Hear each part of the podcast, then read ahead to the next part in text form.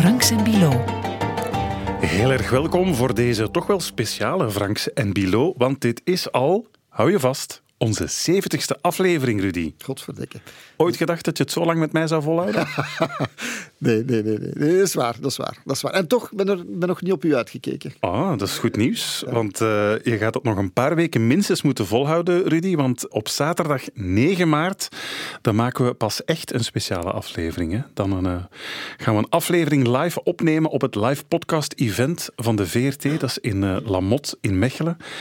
We maken daar natuurlijk sowieso een extra boeiende aflevering van. Dat spreekt, maar het beste nieuws is: jij, jij daar, trouwe podcastluisteraar, jij kan daar gewoon bij zijn. Je kan de opname van onze nieuwe podcast op 9 maart in Mechelen live bijwonen.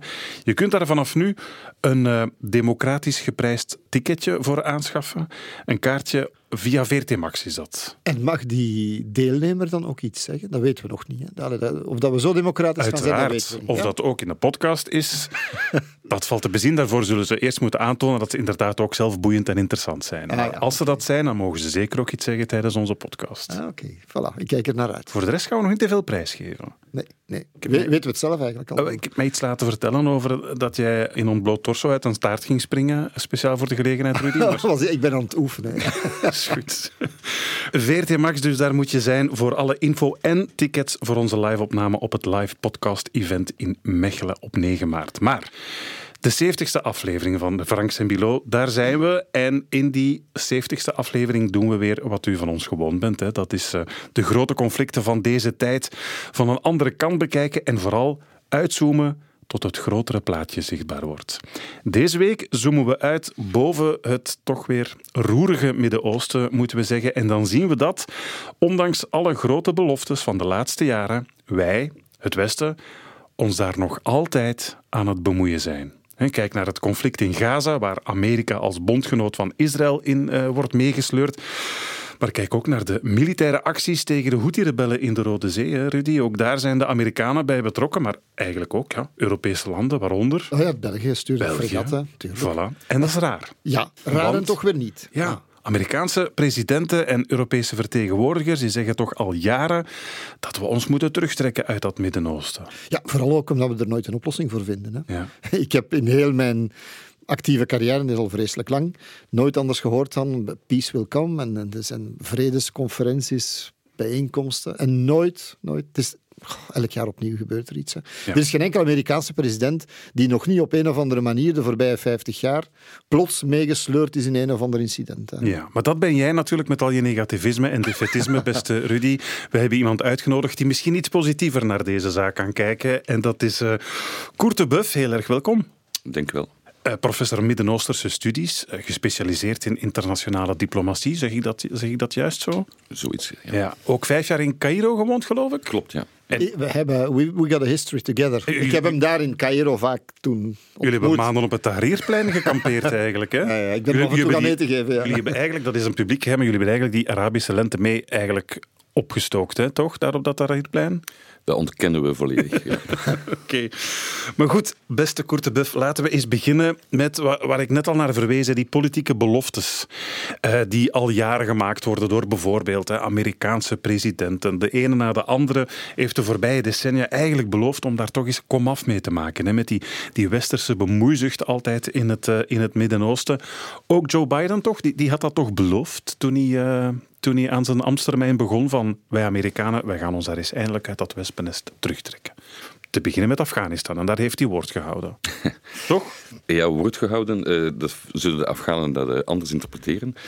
De reden is natuurlijk dat, dat wat men ook doet in het Midden-Oosten, vanuit Amerikaans perspectief, het uiteindelijk nooit goed komt. Hè. Dus, dus men zit twee decennia in Afghanistan, twee decennia in Irak. En, en in plaats dat het beter wordt, dat men de democratie en de vrijheid en mensenrechten enzovoort installeert, is het tegenovergestelde aan het gebeuren. Maar de reden is ook dat men vindt van, dat daar gaat veel te veel geld en energie en manschappen naartoe, terwijl eigenlijk het grote gevaar aan de andere kant van de wereld is, namelijk uh, in het oosten, China, Noord-Korea. Dus men wil zich daarop focussen in de Verenigde Staten. Dus telkens opnieuw zegt men van, we gaan weg uit het Midden-Oosten en we gaan ons aandacht volledig verplaatsen naar het oosten. En het lukt nooit. Maar dat wil dus zeggen dat men beschouwt dat het Verre Oosten belangrijker wordt of is dan het Midden-Oosten. Terwijl wij altijd al decennia het andersom dachten. Precies, maar, maar het, het Midden-Oosten wordt gezien als één grote modderpoel. Dus waar je uiteindelijk eh, alleen maar verzandt als je daarin komt, waar je met je beide voeten blijft steken en er uiteindelijk niet meer uitkomt. Terwijl het heel duidelijk is voor de Verenigde Staten, na de val van de Sovjet-Unie is nu China de grote concurrent. En men probeert alles te doen. En Obama is al begonnen, zeker? Hè, dat hij... Obama heeft dat geprobeerd, ja, absoluut. Uh, um, maar ook al daarvoor was duidelijk van, ja, China wordt economisch belangrijk, wordt ook militair belangrijk. Uh, de, de stille Zuidzee wordt uiteindelijk, is één groot nieuw front aan het worden.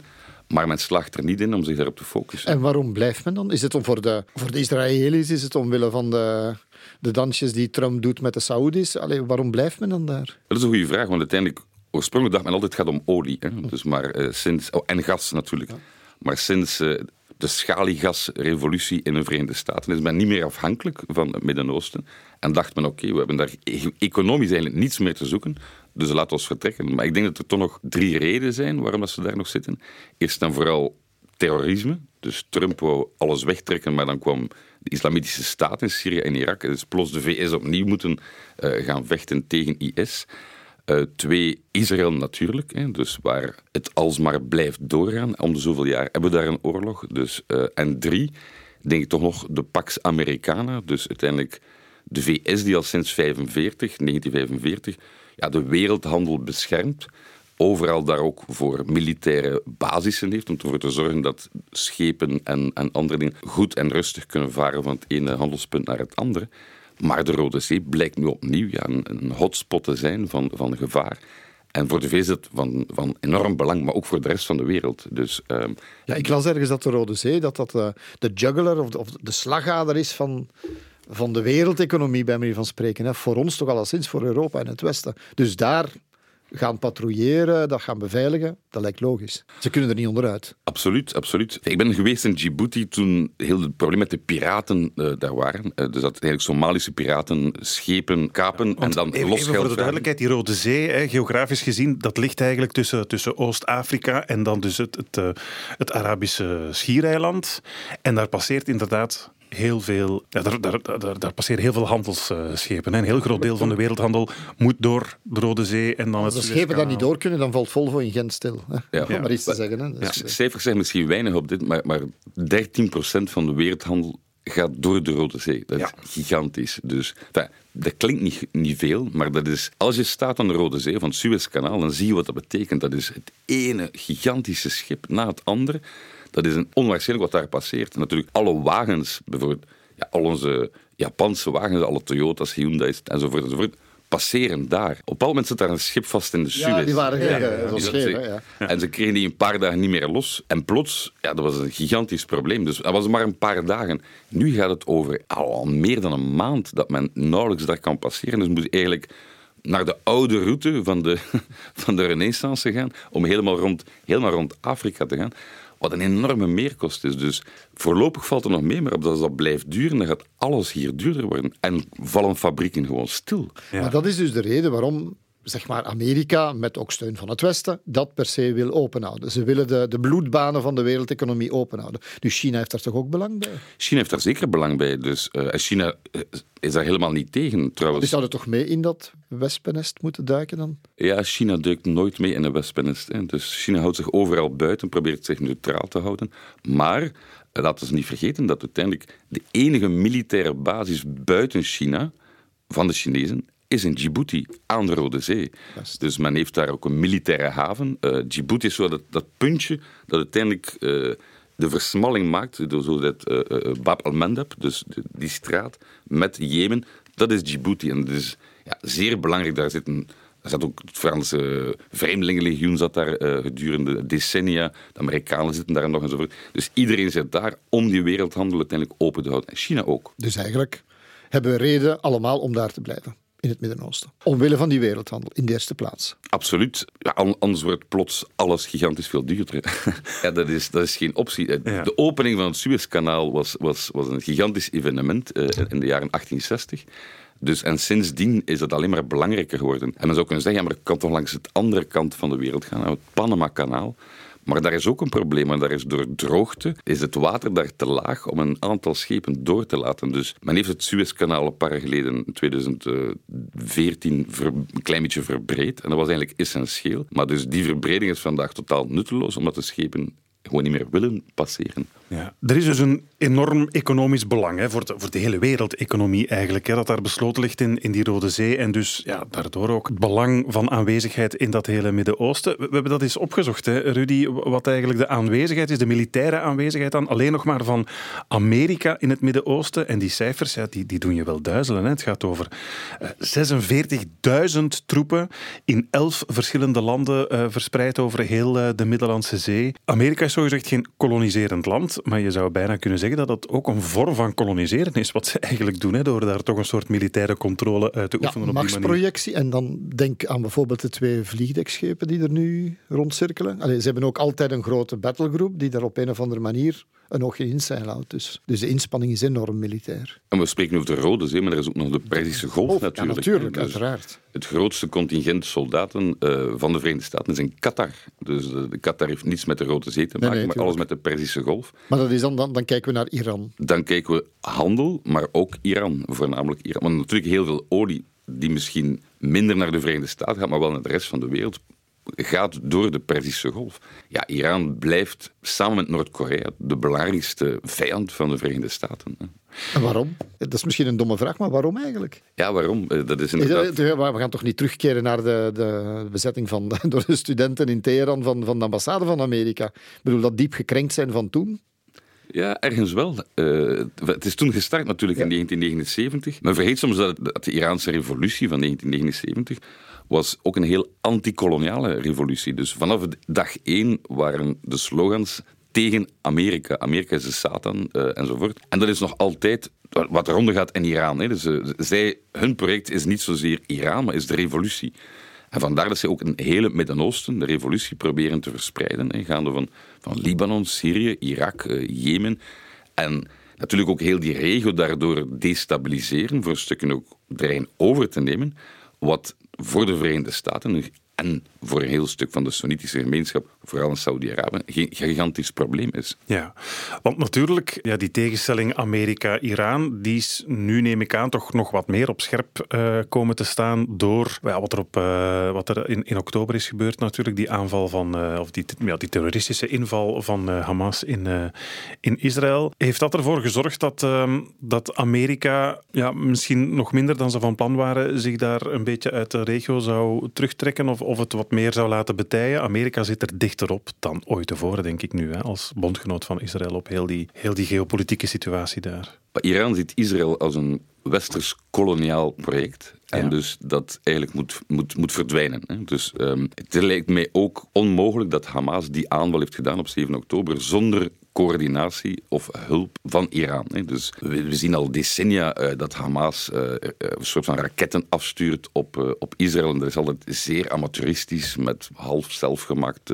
enzovoort. En nu is dat plots zeer professioneel. Wat is er gebeurd tussen die jaren? Heeft Hamas dat plots zelf bedacht? Ik denk het niet. Hè. Nee. Dus, um, maar goed, als je dus kijkt van Amerikaans-Israëli perspectief, dan zie je dat daar Hamas gesteund door Iran. In het noorden zie je Hezbollah gesteund door Iran. In Syrië Assad-regime gesteund door Iran. En uiteindelijk Irak ook, waar Iraanse milities toch ook wel heel veel uh, voor het zeggen hebben. Al dan niet met de steun van Iran, dat hangt ervan af. Dus er is dus een soort bondgenootschap eigenlijk. Die een soort cirkel rond, rond Israël, een vijandige cirkel, dus die door Iran wordt gestuurd. Dus natuurlijk, als je dan een belangrijke bondgenoot bent van Israël, ja, dan, dan voel je van, ja, als we niets doen aan Iran of proberen Iran in te dijken, ja, dan komt Israël in de problemen. Dus eigenlijk kunnen ze zich niet terugtrekken? Kunnen we het Midden-Oosten niet laten wat het is, omwille van Israël? Is dat de essentie dan? Ik denk niet dat de essentie uh, alleen is. Ik denk ook het, sinds uh, eh, 9-11 dat de essentie ook terrorisme is. Dus heel veel terrorisme in het Midden-Oosten zelf is gericht tegen de kolonisator. Dus het Westen, ook Amerikaanse troepen, dat is tot op vandaag het geval. Dat zijn Sunni, terwijl Iran zijn Shia. Dus je kan zeggen dat de Iraniërs gaan het IS en Al-Qaeda-extremisme of, of terrorisme niet steunen. Soms wel. Maar Hamas is ook Sunni. Ja, tuurlijk. Ja, dus, dus uiteindelijk voor Iran is het onbelangrijk of het Shiiten of Soenieten zijn, zolang ze maar uiteindelijk de revolutionaire orde prediken. Dan is het religieuze aspect plots toch wel wat, wat minder belangrijk. Ja, absoluut. De moslimbroeders eh, zijn ook gelinkt met Iran. E-, het eerste bezoek van president Morsi, de president die verkozen is in Egypte in 2012, zijn eerste bezoek was aan Teheran waar hij trouwens ook wapens heeft meegekregen, wat hem dan in moeilijkheden bracht met Egyptische veiligheidsdiensten.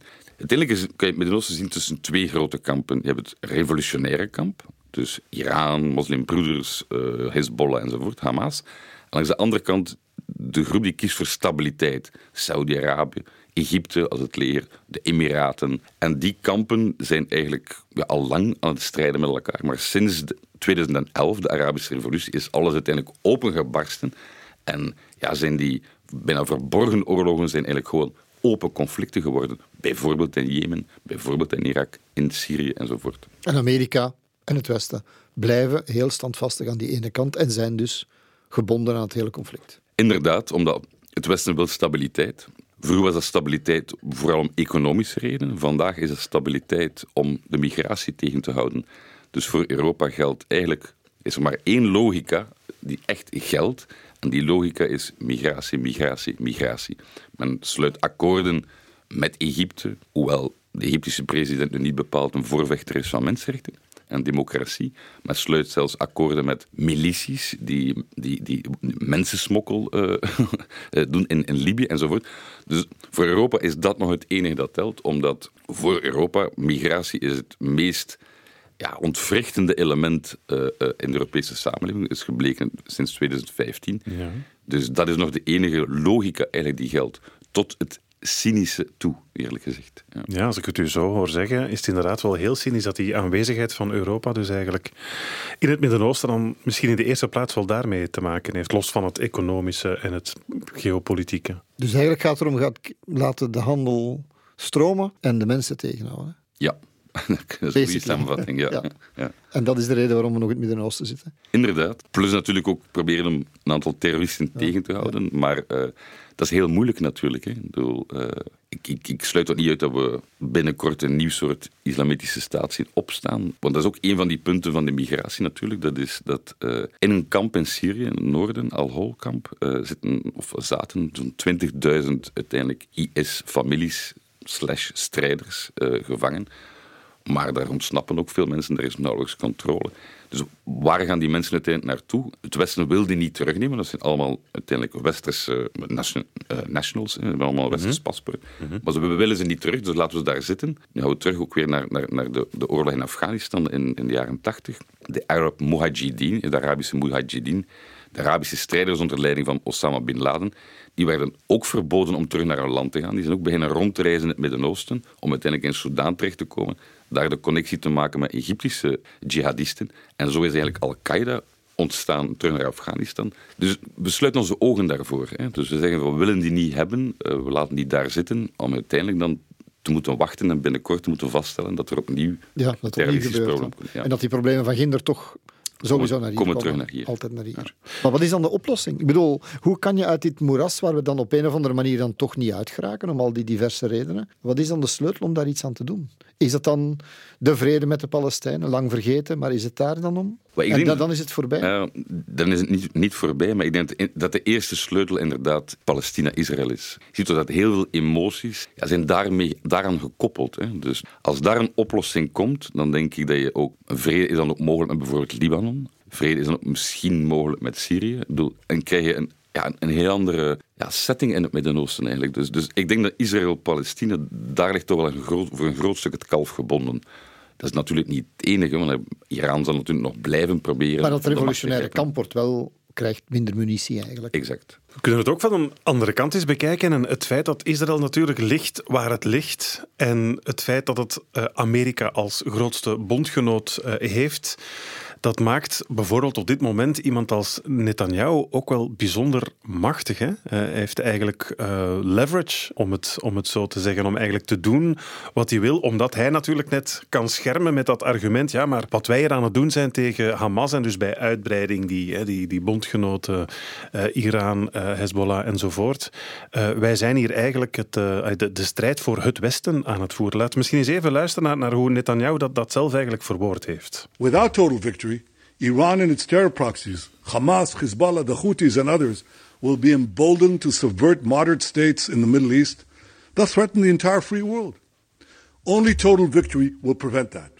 Voilà, als wij Hamas niet compleet verslaan, dan geven we vrij baan aan Hamas om de vrije wereld te bedreigen. Dat zet Netanyahu op dit moment ook in een bijzonder sterke positie natuurlijk. Terwijl er eigenlijk in Amerika net heel veel stemmen opgaan om, om toch eens vragen te stellen bij dat bondgenootschap en die onvoorwaardelijke steun van Amerika aan, aan Israël. Maar op deze manier, mag ik dat zeggen, chanteert hij toch ook een klein beetje het, eh, het Westen. Hè, van laat mij maar doen, want uh, het is belangrijk wat wij hier aan het doen zijn voor jullie ook. Op, op zich klinkt dat een beetje in onze oren als retoriek. Hè? Dus van, maar maar um, ik zat vorige week in een academische conferentie uh, met drie Israëlische professoren. En tot mijn grote verbazing, eerst en vooral hun tussenkomst was niets academisch, was allemaal politiek. Maar dus een van die mensen zei effectief van kijk, wij vechten uiteindelijk tegen het kwaad. Hè? Dus en wij zijn het eiland nog van het goede. Die aan het vechten is inderdaad tegen het kwaad dat overal rondom is. En we begrijpen niet dat het Westen ons, of sommigen in het Westen ons daarin niet steunen. En ik dacht van, dus die, die denken, of een deel van de Israëlische ligt, ligt, ligt, tegen, tegen duisternis. Dat is bijna zoals na 9-11, you're the good, het goede tegen het kwade, de axis of evil. En dus men begrijpt niet dat er stemmen zijn hier die daar anders over denken. Die zeggen van, ja, maar als het internationaal gerechtshof als aan het onderzoeken is of het al dan niet een genocide is, en er is toch wel iets ergs aan de hand, iets dat niet klopt, maar in de hoofden van velen daar is dat helemaal een andere tekening die we moeten zien. En voor een heel stuk van de publieke opinie in de Verenigde Staten is dat exact hetzelfde beeld dat men heeft. Wij vechten tegen die afschuwelijke Satan, de vijand die Iran was, is en zal zijn voor de komende jaren. Ja, dat is een heel manichaïstisch beeld natuurlijk, van wij tegen hen. En ja, dat gaat heel diep. En ik ben er wel van geschrokken, eerlijk gezegd. Dus, dus ben ik al een paar jaar niet meer in, in Israël uh, geweest. Dus, dus die voorbij heb ik die publieke opinie niet kunnen ruiken en, en, en voelen. Maar die is toch heel duidelijk toch wel verschoven. Hè? Dus, dus, maar sinds 7 oktober, ik, ik ben er ook van geschrokken toen ik daar dan was, dat het wat voor een, een klap in de geest dat gegeven heeft. Dus inderdaad, manicheestisch, zoals je zegt, licht tegen duisternis. Maar, maar dan, gaat, dan staat men er niet meer bij stil op een rationele manier dat door dit te doen, zoals het nu gebeurt, die oorlog, dat je eigenlijk nieuwe, ja, je zet de spiraal alleen maar verder en nog veel erger natuurlijk. Ik heb een, stuk, een opiniestuk geschreven de week na 7 oktober, ehm, waarin ik zei van, doe geen aanval, want dat is niet rationeel. Om verschillende redenen. Eerst en vooral, je zult Hamas alleen maar sterker maken, zoals bij elke guerrillagroep. Uh, militair kan je die niet verslaan, want die maakt die psychologisch voor elke Hamas-strijder die sterft, staan er twee opnieuw op. Hè. Dus uh, dat ten eerste. Ten tweede, door zo door te gaan zoals ze nu gaan, daalt de sympathie voor Israël enorm. En dus de roep voor een oplossing wordt veel groter. Allee, zelfs op, op legaal vlak. Kijk, naar het internationaal gerechtshof ook gisteren heeft gezegd van die kolonisatie moet ophouden, Palestina moet een staat worden, de vluchtelingen die er sinds 1948 uh, in het buitenland wonen moeten kunnen terugkeren, er moet schadevergoeding betaald worden. Dat is internationaal recht, zo die dat zegt. Maar Israël stelt daar tegenover van, we kunnen dit terrorisme niet belonen door ze nu wel rechten te gaan geven. dat is het, het basisargument. Ja, maar, maar ik kan zeggen, je hebt de Israëlische argumentatie, en ik kan daarvoor of tegen zijn, maar dan de groeiende, het groeiend verzet daartegen is toch wel niet onbelangrijk. Dus eigenlijk, de, de sympathie die er wereldwijd altijd is geweest voor, voor Israël, zie ik toch wel dalen. Maar tot slot, uiteindelijk was Israël er bezig met ook in de regio akkoorden te maken. Er waren al zogenaamde Abraham-akkoorden met uh, de Emiraten, uh, met Bahrein, Soudaan en Marokko. Men was aan het onderhandelen met Saudi-Arabië. Ja, alles staat nu op een helling. En de vraag is, kan Israël uiteindelijk op de lange termijn, zullen ze hier beter uitkomen of slechter uitkomen? En ik denk dat het slechter zal zijn. Als er geen, Vanuit Israëlisch perspectief. Als er geen akkoord met de Palestijnen komt. Als bedoel, kan van alles. Amerika zet nu heel veel druk om, uh, ja, dit moet onder controle gebracht worden, want anders dreigt dit uit te dijnen. En men zal moeten aan een oplossing voor dat Palestijnse conflict zorgen. Op een of andere manier. Dat klopt, maar, maar voor de regering van Netanyahu, althans een groot deel van de regering, dus Netanyahu zelf, maar ook de twee extreemrechtse partijen, met als ministers de Modric en Ben Gvir, die willen geen oplossing.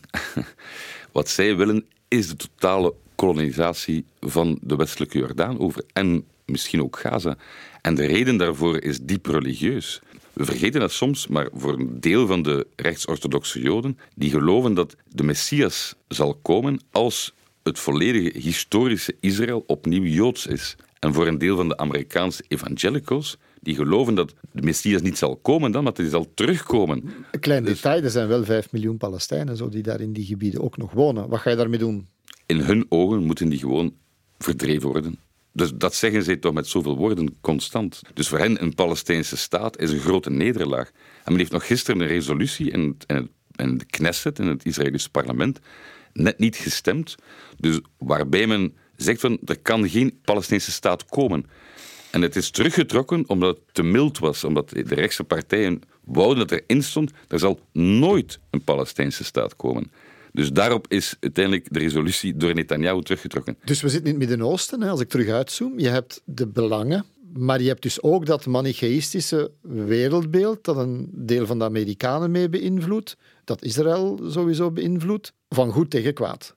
Dus dat beeld bepaalt ook mee dat we daar blijven zitten. Dus eigenlijk zitten wij ook vast aan het Midden-Oosten omwille van dat, dat bijna religieuze, het goede tegen het kwade beeld. Ja, inderdaad. En, en dat is natuurlijk ook gekoppeld aan een stuk als we terugdenken, heel stuk van de Europeanen, het gaat om Auschwitz. Het gaat om de, de, de, de, show, de Shoah. De, ja, de zonde. Ik, ik ben af en toe ook in Nederlandse media en dan voel je dat de sfeer daar helemaal anders is. En uiteindelijk is het schuldgevoel ten aanzien van uh, de holocaust is veel sterker in Nederland, Duitsland, Oostenrijk dan in België. En daardoor hebben wij een andere publieke opinie.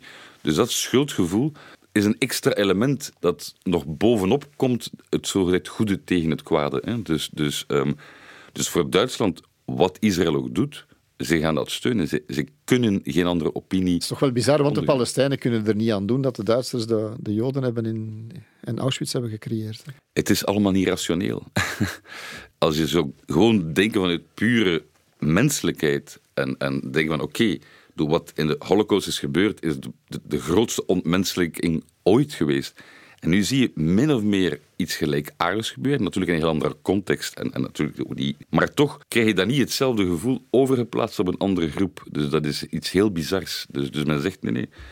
Op het moment dat heel de wereld zag van oké, het internationaal recht wordt geschonden, zei de bondskanselier van Duitsland, Scholz, zei, Israël schendt geen enkel internationaal recht.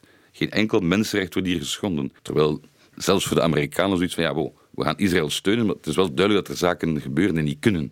Maar Duitsland is, ja, dat is bijna een religieus gevoel. Ja. Ja, dat is die, die historische schuld die opspeelt bij, bij, bij Duitsland. Uh, ja. Maar dat valt inderdaad ook op, om dat misschien, om misschien af te ronden, dat... Um, ja, de, de huidige oorlog in Gaza ook, heb ik het gevoel, Rudy, maar je moet me verbeteren, meer dan ooit ook de geesten in Europa wel heeft gepolariseerd over die, over die kwestie. Ik heb het gevoel dat er dat er vroeger, ik zal niet zeggen onverschilligheid over was, maar dat daar toch eh, wat genuanceerdere ideeën over leefden in Europa. En nu merk je ook Europese landen onderling en zo, ze komen niet, ze komen niet tot ja, Europa spreekt nu met één stem. En bovendien nog een ander interessant fenomeen, maar dat is, misschien voor later. Eh, binnenkort, in, in eind juni, herdenken we, zullen we maar zeggen, of betreuren we de oprichting van het kalifaat. Het kalifaat heeft heel veel emoties losgeweekt en ontstaan voor een stuk omwille van de, de houding van het Westen in het, het de oorlog in Syrië. De, de woede die daarbij bevolkt. Ik vraag mij af, en ik hou mijn hart vast, wat de woede over Gaza bij een heel nieuwe generatie gaat betekenen. waar dat je weer bij emotie terechtkomt en weer bij een nieuwe dynamiek van, van extremisme. Ja, ik denk dat het uh, inderdaad absoluut het geval zal zijn. Dus inderdaad, 29 juni, uh, tien jaar kalifaat. Uh, met de, dat bekeken met de grootste verbijstering. Niemand had het zien aankomen, hè. Dus, dus ik ook niet. Hè. Dus, um, dus wat er nu zal gebeuren, die, die emoties worden echt onderschat. En, en het is bizar genoeg al meer dan 100 jaar dat elke bemoeienis van het Westen in het Midden-Oosten uiteindelijk uitloopt in het tegenovergestelde van wat we zouden willen, namelijk een oplossing, stabiliteit, vrede. En het is altijd net het omgekeerde wat we krijgen. En toch worden we onweerstaanbaar aangetrokken tot dat wespennest. Toch raar. Dat is eh, ja, op zich. eh, uiteindelijk hebben we het zelf, het Westen dan, eh, uiteindelijk verknoeid in de Eerste Wereldoorlog. Met allemaal beloftes en gebroken beloftes enzovoort. Ja, daar hebben ze een, een En- podcast over gemaakt trouwens. hè. Rudy heeft Ja. dus tussen haakjes over dat, hoe heette dat akkoord ook alweer? Het, eh, Sykes-Picot. Ja, Sykes-Picot. En- Zeker, In zeker, het Midden-Oosten in eigenlijk. Ja. om zeep geholpen. Nee, maar ik zeg het even tussendoor voor wie de, de, hè, de, Ja. de historische breuklijn wil kennen. Die moet maar eens naar die podcast nog eens luisteren. Maar ga verder, Korte Buff. En sindsdien, we weten dat we het er allemaal eigenlijk verknoeid hebben, proberen we het altijd ook maar een beetje recht te zetten. We hebben er ook een soort schuldgevoel van, en niet ten onrechte. Hè. Dus, eh, dus proberen we toch iets te doen. En dat is altijd emotioneel, dat is zelden rationeel. En emotionele beslissingen zijn vaak heel foute beslissingen. Dus telkens opnieuw, de inval in, in Irak, dat was een gigantische vergissing. Dat is een gigantische vergissing. Zonder die inval was er nooit ISIS geweest. Jamais. En we blijven maar inderdaad dezelfde fouten opstapelen vanuit emotionaliteit, die soms moeilijk te verklaren is. Soms kunnen we het verklaren. En, en dan zie je dat het volgende gigantisch probleem zal opduiken. En hoe het precies er zal uitzien, dat weten we niet. Maar dat het komt, dat weten we wel. En Ja. dat we nog vasthangen aan het Midden-Oosten ook, blijkbaar wel. Ja, ja, het zorgt ervoor dat eigenlijk elke actie leidt tot een soort van tegenreactie, waardoor dat wij opnieuw moeten reageren, waarop een nieuwe reactie komt, enzovoort. En zo zitten we inderdaad, eh, denk ik, nog voor vele jaren eh, vast in het Midden-Oosten. We zijn daar nog niet weg. En eh, zelfs Koerte Buff heeft de oplossing niet gevonden om er misschien toch ooit weg te raken. Maar wie weet, we blijven geloven in de toekomst. hè. Beste Rudy, al was het maar die toekomst over eh, twee weken. Wat ons betreft, zaterdag 9 maart, nog één keer zeggen dat we dan dus eh, live onze podcast gaan opnemen op het live podcast event van de VRT in Mechelen. In Mechelen? Ah ja?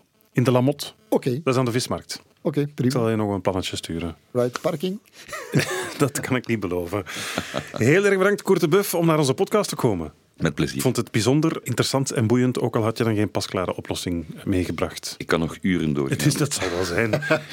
Afspraak op 9 maart in eh, Mechelen voor de volgende. Frank Sembilo, tot dan. Oké, ciao, ciao.